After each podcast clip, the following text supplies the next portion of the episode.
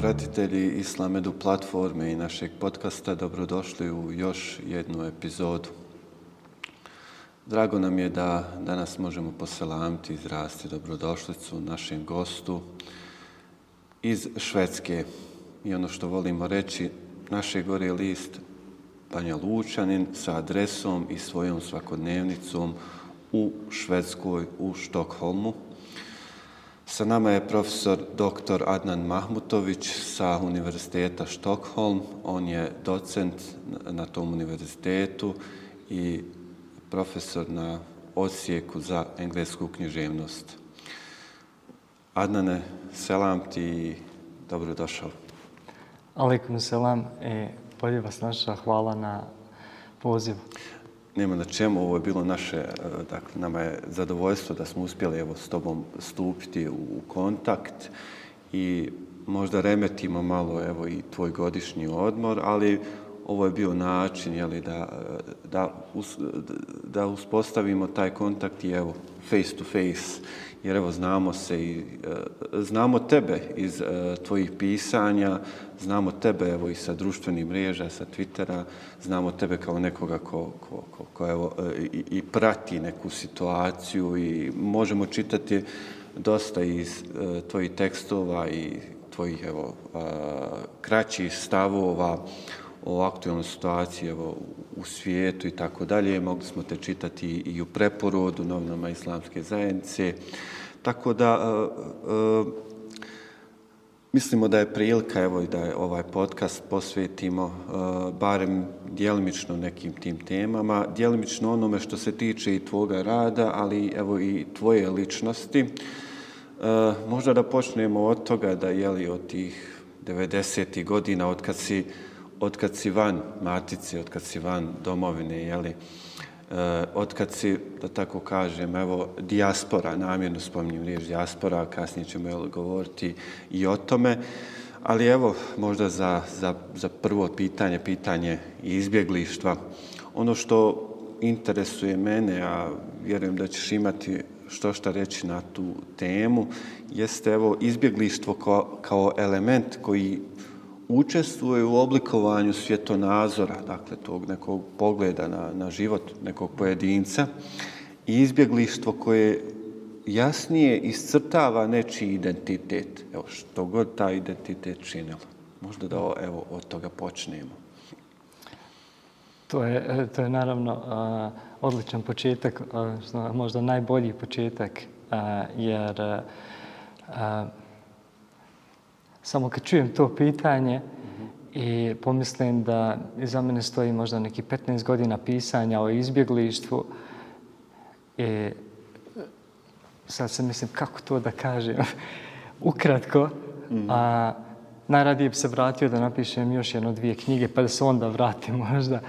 Ali to u stvari pokazuje upravo a, da je izbjeglištvo naj veći, jedan od najvećih elemenata koji, koji formira a, identitet. Bar u mom slučaju, ja ću naravno početi od sebe, ali mogu reflektirati malo i, i, i šire. A, koji je, dakle, formirao mene i, kao što, a, kao što kažeš, a, moj svjetonazor. A, to je nešto što, dakle, na, na samom tom početku, to je kao neki potres, kao neka trauma koja, koja se desi. I, i dosta nas na, ne razumije ili možda zaboravi ili, ili zanemari to što se dešava poslije. A to je da, su, da izbjeglištvo formira čovjeka na način da to je kao tektonski poremećaj. Mm -hmm. to, su, to je kao kretanje onih tektonskih ploča koje je može biti nekad brzo kad je, kad je potres, dakle, nekad se desi to drmanje, ali uh, uglavnom je on spor, ali on uvijek tu, on je uvijek konstantan i on uvijek prati. I zato kažem, pisao sam 15 godina o tome, mogu bi još 10 ili do kraja To života. je ono što te odredilo u stvari. Apsolutno.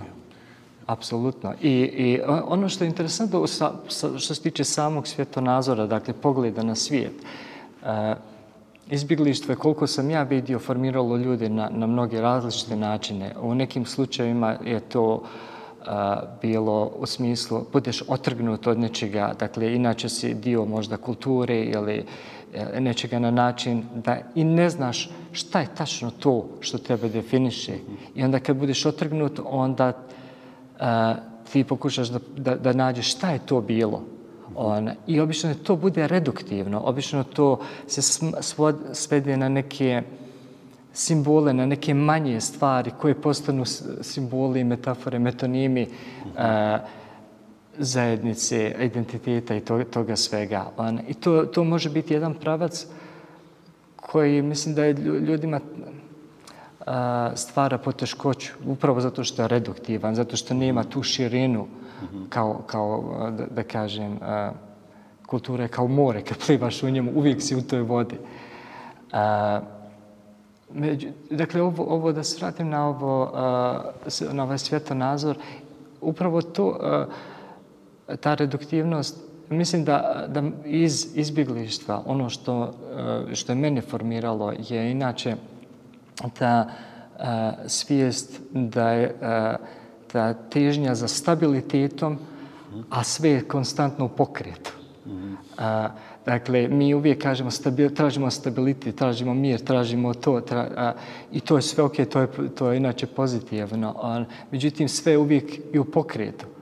Ako, ako, a, ako se osvrnemo na, na Kuran, recimo, u a, što se tiče uh, planina i hoću da kažem taj primjer upravo zato što smo mi iz Bosne koja je definisana ovim planinama. Jeste. Uh, I mi kad gledamo planine, one su stabilne. One, one nam daju osjećaj, o, oh, ovo je bilo prije mene, ovo je sada, ovo će biti poslije mene. Mm -hmm. I to nam daje neku, ne, uh, uh, neki dobar osjećaj te, te uh, tog stabiliteta u, u životu. I oni, oni jesu kreirana, a napravljena da stabiliziraju same te tektonske porome, te, te ta kretanja. Međutim, Kuran isto tako kaže, ona se kreću. Jeste. E to je to, da, to, to je taj svjetlo nazor, bar u mom slučaju, je ta, ta želja da sam uvijek svjestan da ima i stabilitet, a ima i to kretanje, da je to uvijek taj, taj proces stabilizacije kretanja, stabilizacije kretanja. U suštini, evo kad spominješ i Kur'an, mnogo je glagola kretanja koji, koji govori evo, za, za svemirska tijela, ti dobro znaš, yes. često je u pitanju ono, plivanje, plivanje, plovidba yes. tih yes. svemirskih tijela. Evo i ta yes. stabilnost. Interesantan si primjer u stvari spomenuo ono što mene asocira evo, na mnoge stvari u vezi toga. Tako da, evo i, i, i planine. E, kada si pričao, naumpalo mi je Naumpale su riječi našeg imama iz e, Sjedinjenih američkih država, Adema Gadžića, koji je možda u par redaka, na možda jedan najljepši književni način u stvari govorio o toj nekoj drami dijaspore u suštini i to je naslovio sa između. I, i, I na jednom mjestu govoreći o dvije kuće uh, koje se nikada ne ispune, nijedna od njih se kao ne ispune uspomenama. Iako, evo, jeli, teži se ipak toj nekoj jeli, i, i stabilizaciji, stabilnosti i tako dalje. Široka je tema, možda bi bilo dobro da ovdje imamo nekog, i, e, e, nekog psihologa koji se bavi socijalnom psihologijom, pa da nam može onaj to dodatno i teorijski onaj, da, da govorimo o tome, ili evo i sociologa i tako dalje. No, ne smijemo se previše zadržavati. Želio bih da, da pređemo ono jeli, što je što je evo i, i tvoj posao, tvoja ljubav, da tako kažem, ti si pisao evo i književna dijela i, i stručna dijela iz književnosti i tako dalje. I evo, ono kako sam zamislio ovo pitanje u stvari jeste ovo književnost kao duh kretanja, ponovo kretanje, uh -huh. kao duh kretanja ljudi i pisanog nasljeđa. E, kada književnost ostvaruje svoju višu svrhu, odnosno kako uopće definisati književnost? Evo možda jednostavno, ali ne znam da li će se složiti, možda i nije u suštini. Idemo u dubine.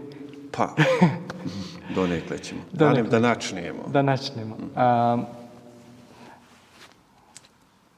možda da, da krenem od 2019. Dakle,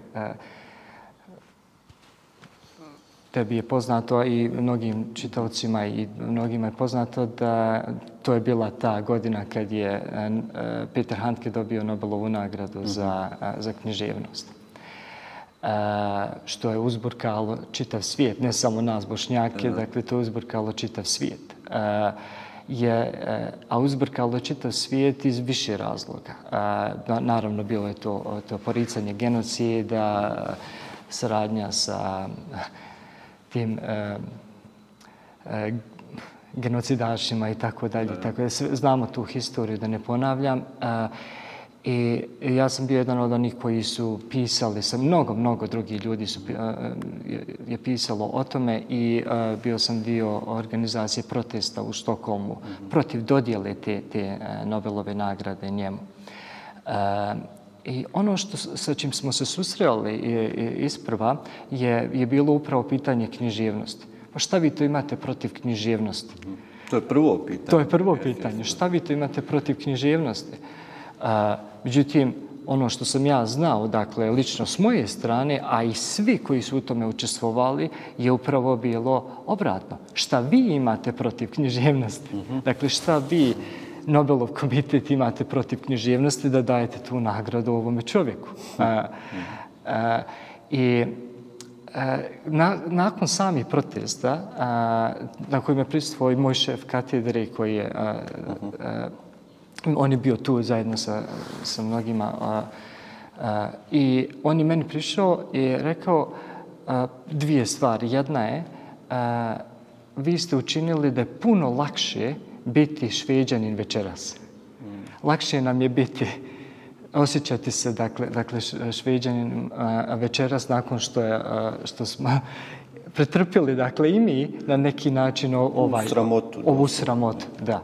A, a kao, dakle, neko ko, je, a, ko a, istražuje književnost. On, I onda je on rekao, kaže, bi, ovo nije bio protest a, protiv, ovo je bio glas, ili protest mm -hmm. za književnost.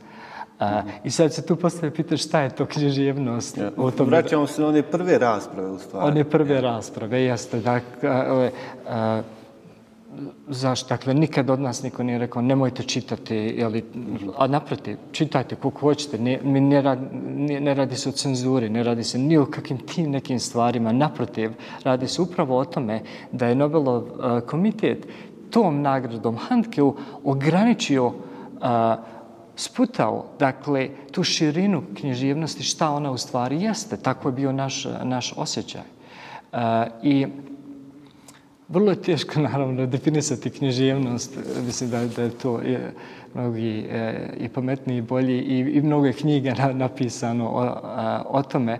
Ali ja bih volio da možda da iskoristim dvije, dvije metafore, ako mogu, a, da, da nekako se tome približim. E, a, a, ima jedna pjesma od Robert Frosta koja je dosta, pravo, dosta popularna i poznata pjesma koja se zove Mending Wall ili popravljanje zida. Uh a, I ako a, i u toj, u toj pjesmi a, imamo dakle dvojicu komšija koji imaju jedan zid između svoj, svojih imanja.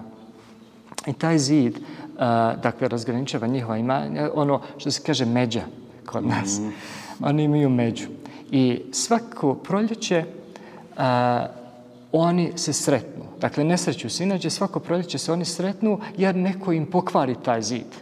Neko ga razruši, neka, neka sila ne znaju ko je ili šta je, ona razruši ga i oni se sretnu svake godine da poprave taj zid tu među.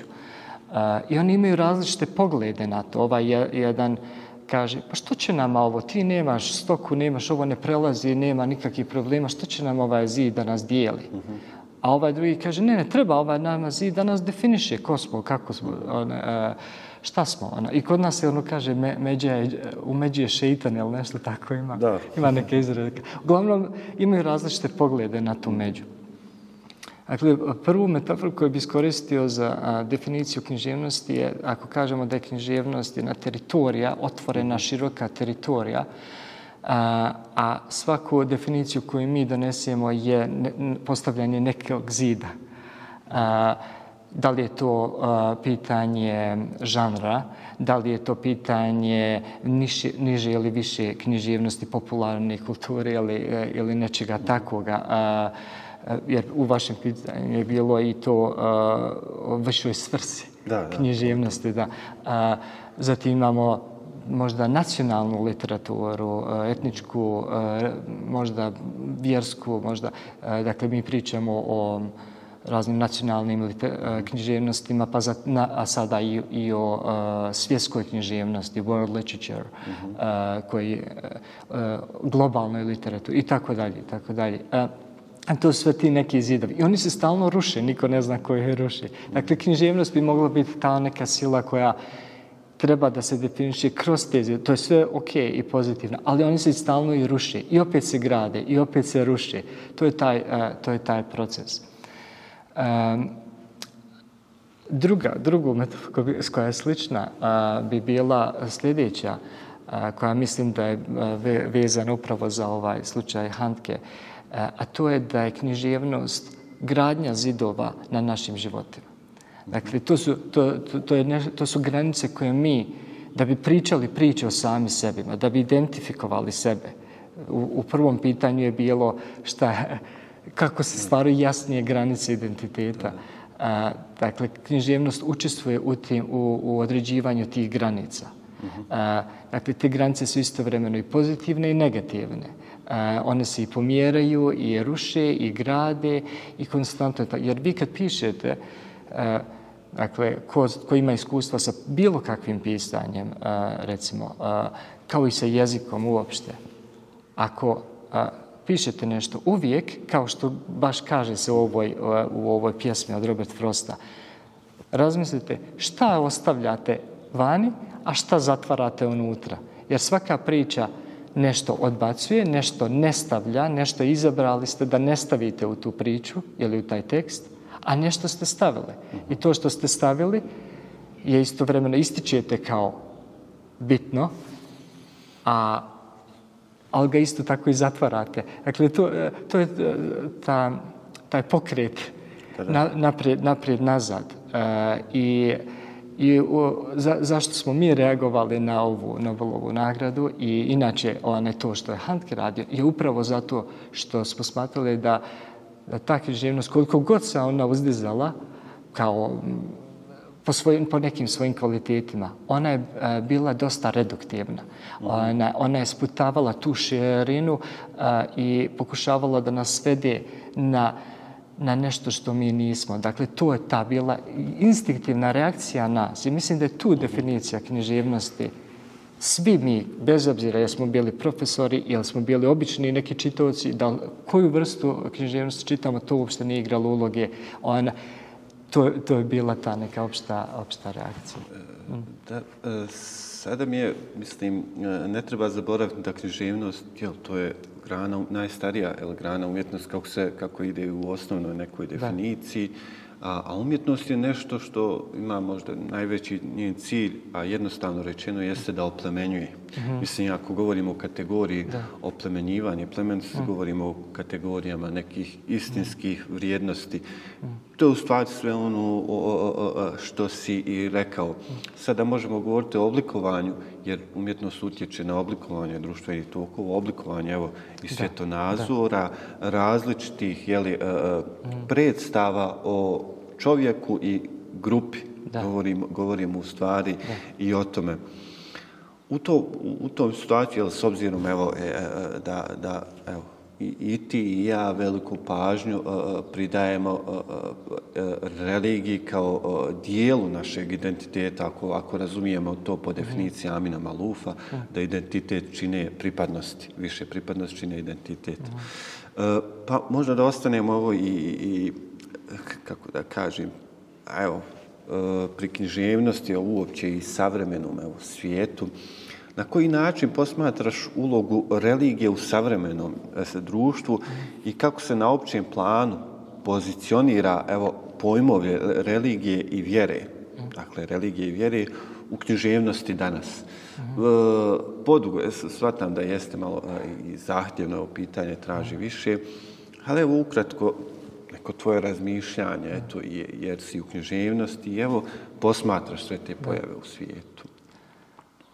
Pa, ovaj prvi dio pitanja uloga vjere u, u savremenom društvu, e, inače pitanje koje ja ne volim, e, iz prostog razloga zato što samo to pitanje uvijek definiše vjeru kao nešto što nije dio savremenog društva mm -hmm. i onda se uvijek traži pa šta ćemo mi sa njom?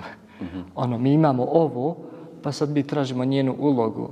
A, kao da je ona neki, a pa sad našli smo nov, novu tehnologiju, šta ćemo mi sa tom novom tehnologijom ili bilo čim. A, mm. I a, ja tako ne gledam vjeru a, i, i, i mislim da je to, to sam taj, a, ne mislim da je to, Dakle, tvoje pitanje, to nije tvoje pitanje, to je pitanje opšte koje se inače vrti. Da, razumio sam i drago mi da, da se počeo odgovor na taj da. način. A, mislim, evo, da. već o tome, jer da. govorimo jel, o, često o svijetu, današnjem svijetu, koji uh, o svijetu bez Boga, ka, ka, kako ga jel, neki predstavljaju, neko mm. uh, evo, modernističko da. viđenje uh, religije na način kao da ona ne pripada. Da. Neki smatraju da religija više, da. i mnogi su smatrali stvar da religija više nema mjesta da. u savremenom, modernom da. svijetu. Mm. Međutim, prevarili su se i to, mm. to u stvari o tome govori istraživači, evo, uh, neko ko se bavi humanističkim naukama i Jest. tako dalje. Apsolutno, jer, jer, eh, jer iz toga se vidi da je savremeni svijet ili moderni svijet eh, sam sebe definisao ili postojala želja da se on definiše time što će se neke stvari ostaviti, a neke stvari preuzeti i nastaviti. Eh, I to je dakle jednostavno nemoguće i, i, i varka i, i nešto što je potkopalo nas sviju stoljećima, što, što je bilo ekstremno kontraproduktivno što se tiče svega, etike,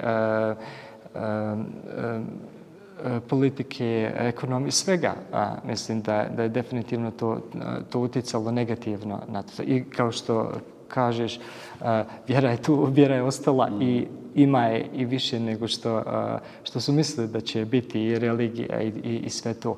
A, da se, možda da, da se vratim na jezik, pošto je to moj, mm. ne, pošto to nekako na, na najbolje e, tim baratam. Ako kažemo da, smo, da je moderni svijet htio da očisti uh,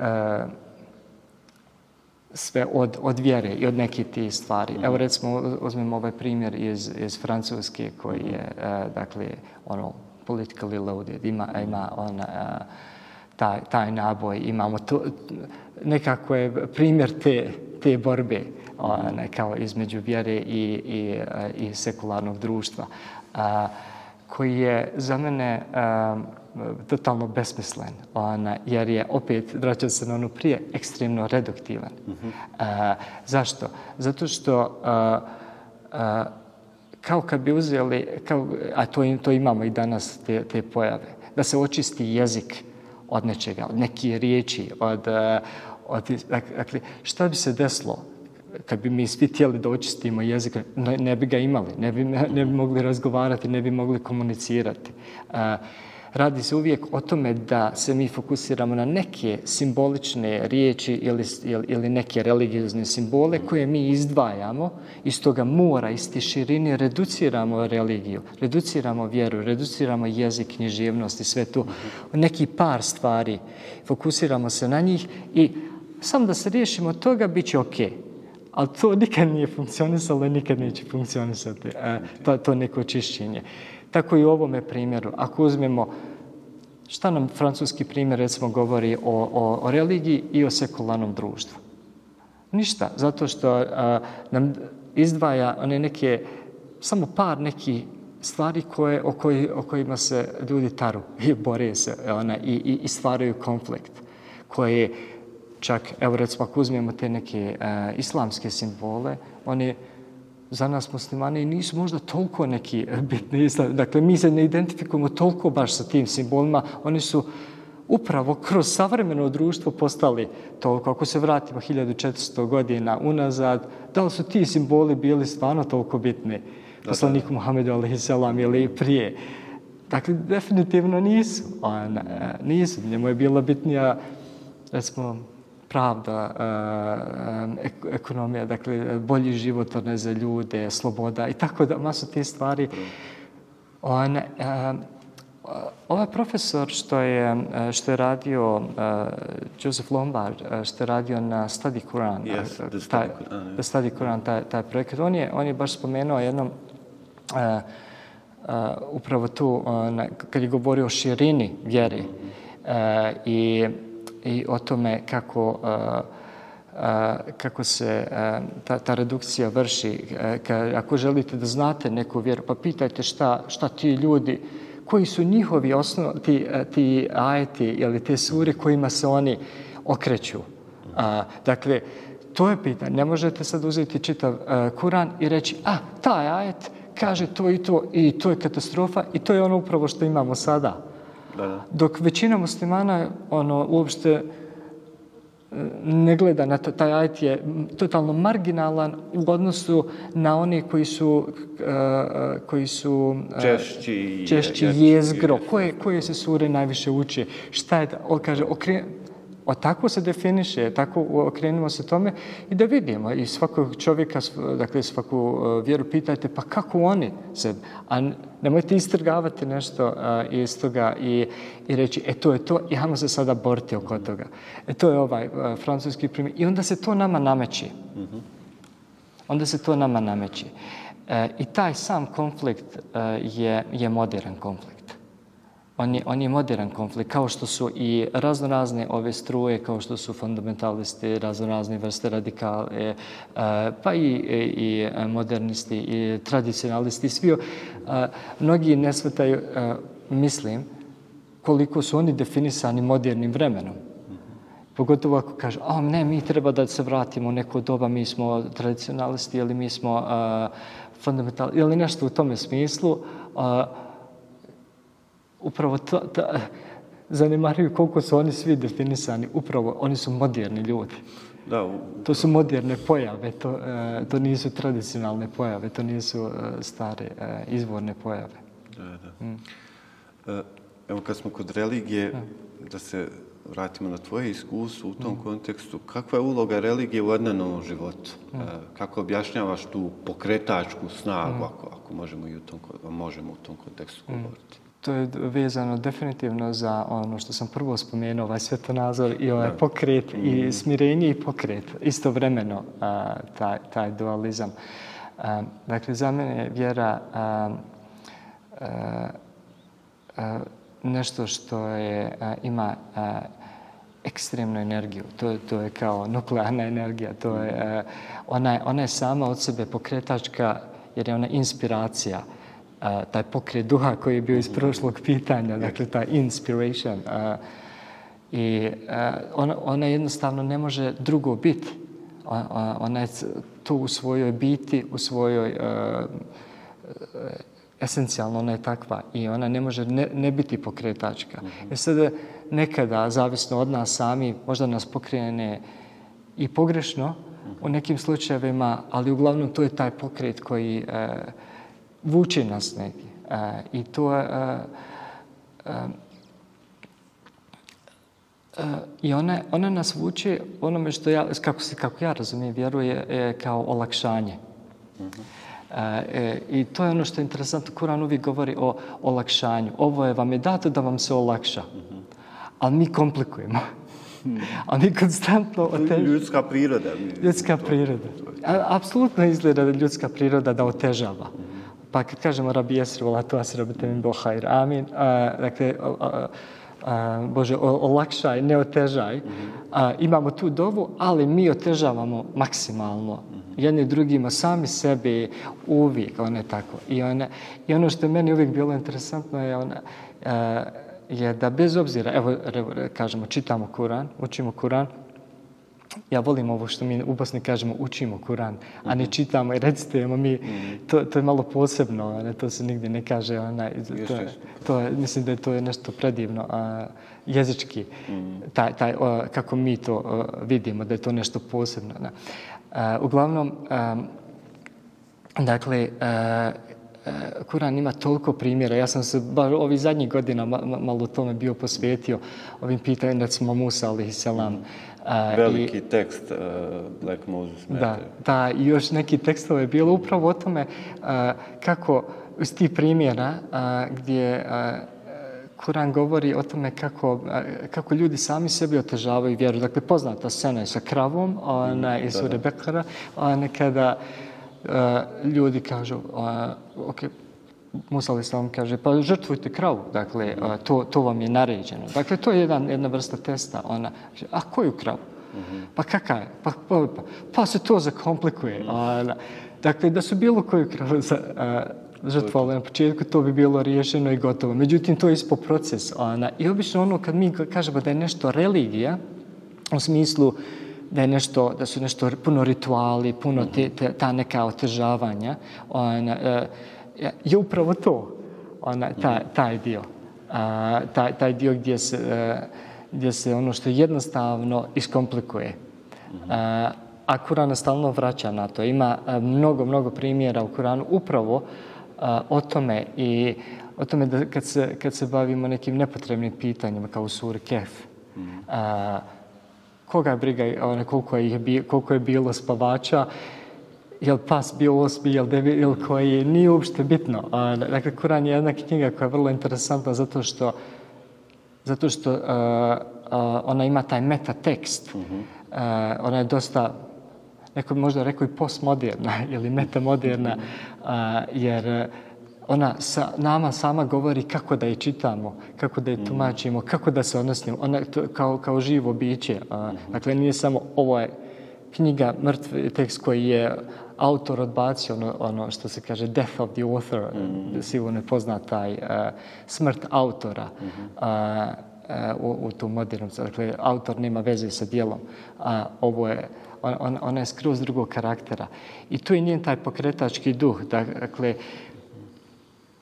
e, ja sam ušao u vjeru dosta, e, to je bilo u izbjegličkom životu, tada prvi ti godina u, uh, u Švedskoj sa, sa Nanom Rahmetli, ja sam ona je stanovao sa njom tada i uh, I onda on, kroz život mijenja se to sve. Uh, E, I onda dođemo u jednu situaciju gdje vidimo okay, šta je se desilo sada, one, što mi je sad ovo ovako komplikovano, ili što mi je ovo nešto pada teško, ili šta, u kojoj se situaciji. I onda se, se vratim na to, pa šta je bilo to što me privuklo vjeri na početku?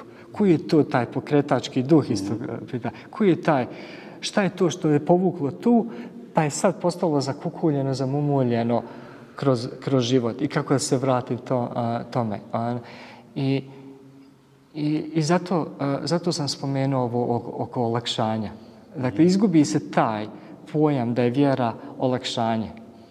I mnogi počnu da shvataju vjeru kao neku tegobu, kao nešto što je uh, neki teret, uh, kao nešto što je, o, da se mi namučimo, ovo stvar će nam probleme. Ne znam ni ja, uh, upravo ovaj primjer oko, oko recimo zavijanja uh, hijjaba i to, uh, hoću li imati hijab, neću li imati hijab, imat, hoću li imati problem, neću imati problem. Mm -hmm. uh, primjer, kad je moja žena odlučila uh, nedavno da se, da se pokrije, uh, moj uh, ovaj, srednji sin uh, je rekao, mama, imat ćeš problema, bit će ovako, bit će onako, nemoj se otežavati i tako, i tako dalje. I, tako dalje.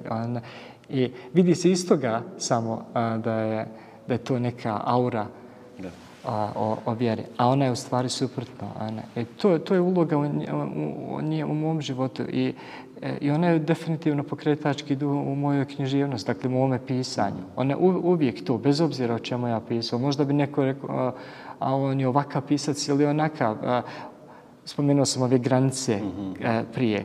A, jer ja, ja nisam ljubitelj toga, mislim, ja volim žanrove i ne, nemam ništa protiv žanrova, ali e, definicija, ok, ako pišeš ovako, onda si samo ovo, a ne vidim ove, ove ostale dijelove. Ja volim one, tu, tu širinu uh, više, ja volim da, da sam slobodan uh, u, u, u pisanju. Dakle, volim da, da imam tu slobodu. Mislim da je književnost takva jedna umjetnost koja, koja daje tu platformu kao, kao i vjera na širine i da se ti tu snalaziš. A, a, ov, a ovi impulsi koji dolaze sa strane su uvijek nemoj ovo, nemoj ovo, ova cenzura, ona cenzura. A,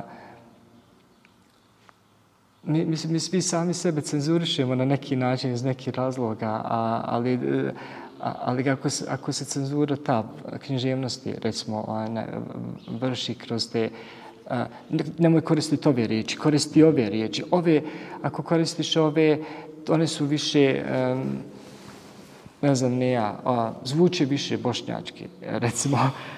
Pa nije, ne znam, moja nana možda nije pričala tako, a, mm. ako ćemo već govoriti autentično. A, a, generalno to, i mislim da uloga vjere u, u mome pisanju je upravo ta oslobađajuća.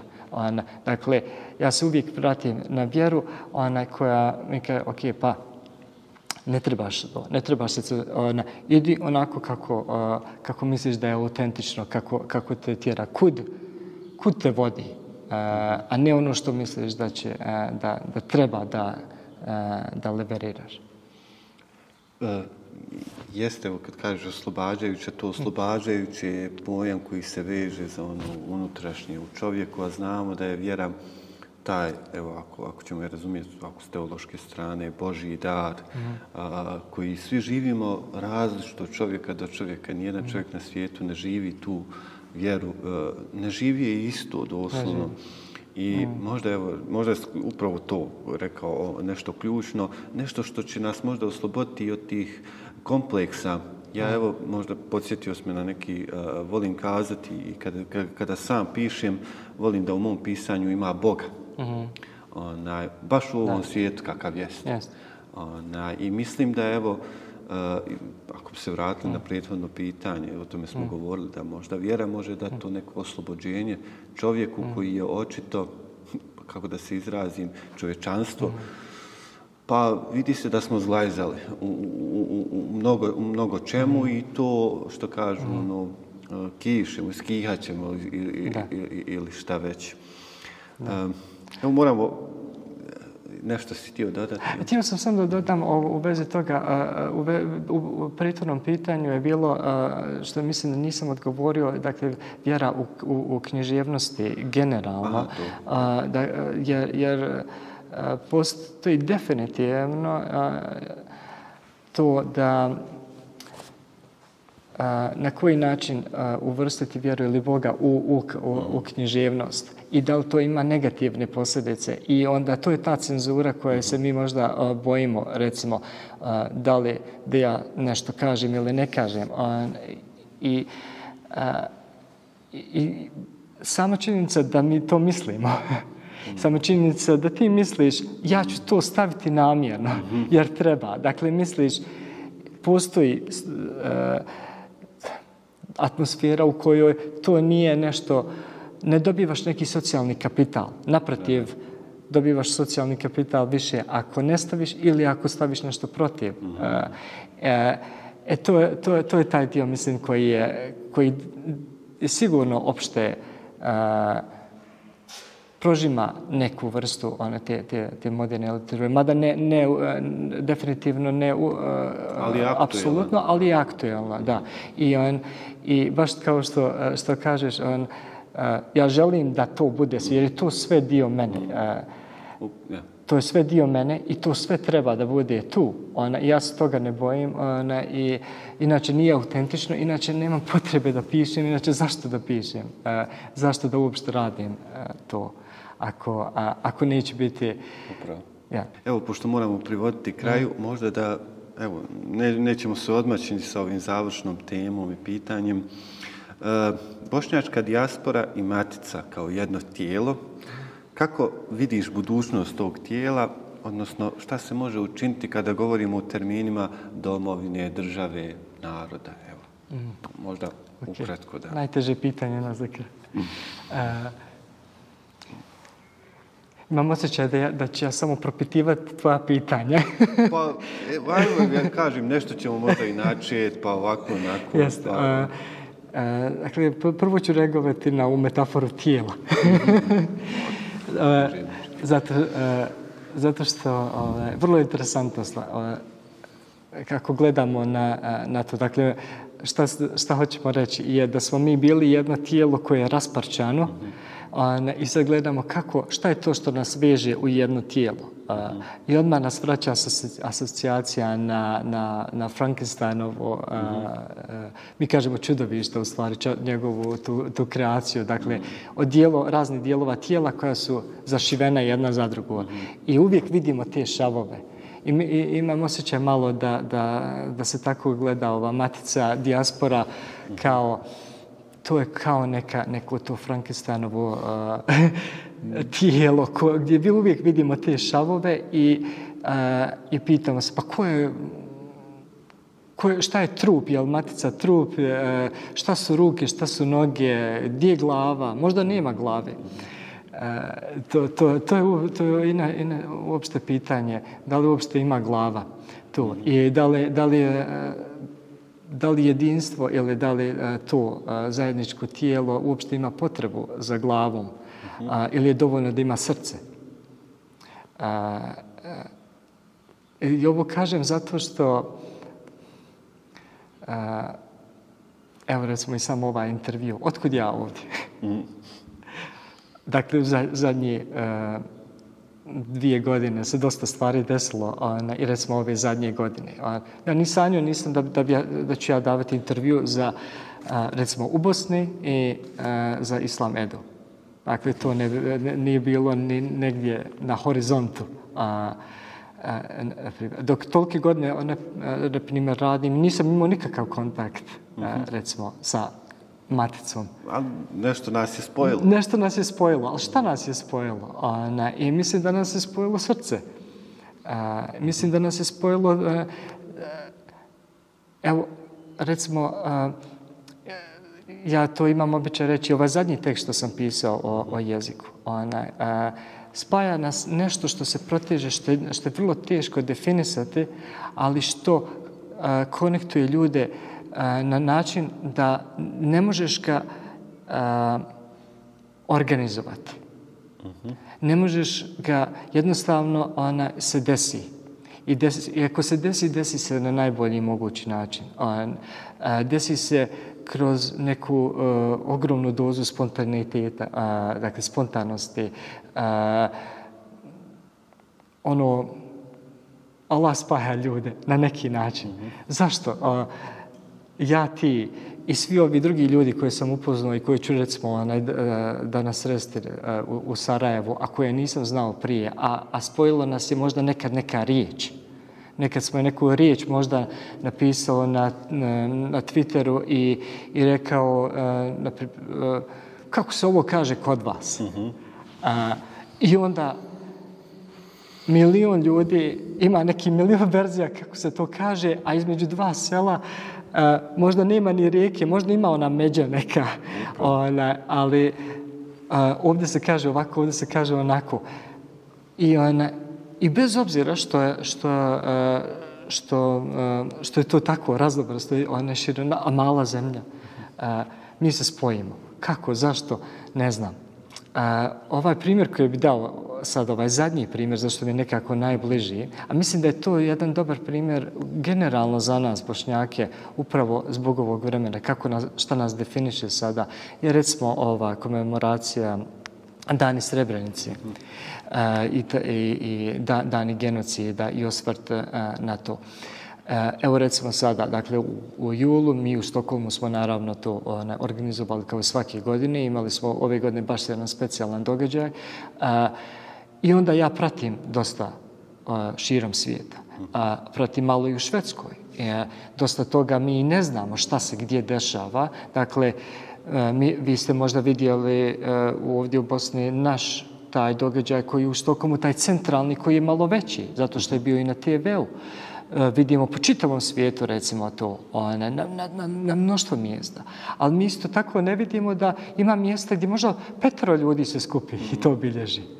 Nevezano, niko i nije organizao, nema e, nikakva glava koja je negdje od ozgo, ona zovnula sviju i organizovala i maticu i dijasporu i sviju, e, hajmo mi sa to Niko to ne, nema ta glava, ali ima srce. srce, ja? Ali ima srce. Upravo sam to htio. O, da, e, ako ćemo već taj dualizam glava srce, ba, ne, ne, ne moramo ulaziti u to, ali eto simbolično da, da kažemo tako a, da, da i, i to postoji a, to postoji a, mi uvijek se žalimo ima dosta negativnog konstantno ima dosta ne, negativnog i uvijek ima i, i rasprčavanje i uvijek gledamo to rasprčavanje uvijek gledamo te šavove ona između nas jesu li oni jaki št, kako smo povezani i tako međutim a, to je neka kruta definicija jedinstva i, i naroda i jezika i književnosti i vjere. Ja nisam ljubitelj tih kruti, kruti definicija. Evo mislim da si vrlo, vrlo nadahnuto uh, uh, završio spomenuši, potrijebivši, osvrnuši se na ovaj pojam srca, kako kažu, centralnog duhovnog organa, spoznaje mm. evo, kao jeli, uh, primjer tog nekog jedinstva tog tijela, ako ćemo mm. govoriti o tijelu, govorit ćemo o srcu, kako mm. kažeš. Adnane, mm. hvala ti mnogo. Ja sam uživao, nadam se da će i naši pratitelji i, i iskreno drago mi je da smo se evo sreli i da je evo povod susreta bilo upravo ovo. Hvala ti. Hvala vama puno i nadam se da, da je bilo i vama dobro, da je bilo od koriste i vašoj organizaciji i vašim gledalcima. I, izuzetno sam zahvalan, alhamdulillah, da smo se ovako našli i da je, da je, ovo, da je ovo bilo. E, drago mi je i sigurno, ako Bog da evo, bit će od koristi, nadamo se. Poštovani pratitelji Islam Edu platforme, toliko za ovu epizodu. Do naredne, eselamu alaikum.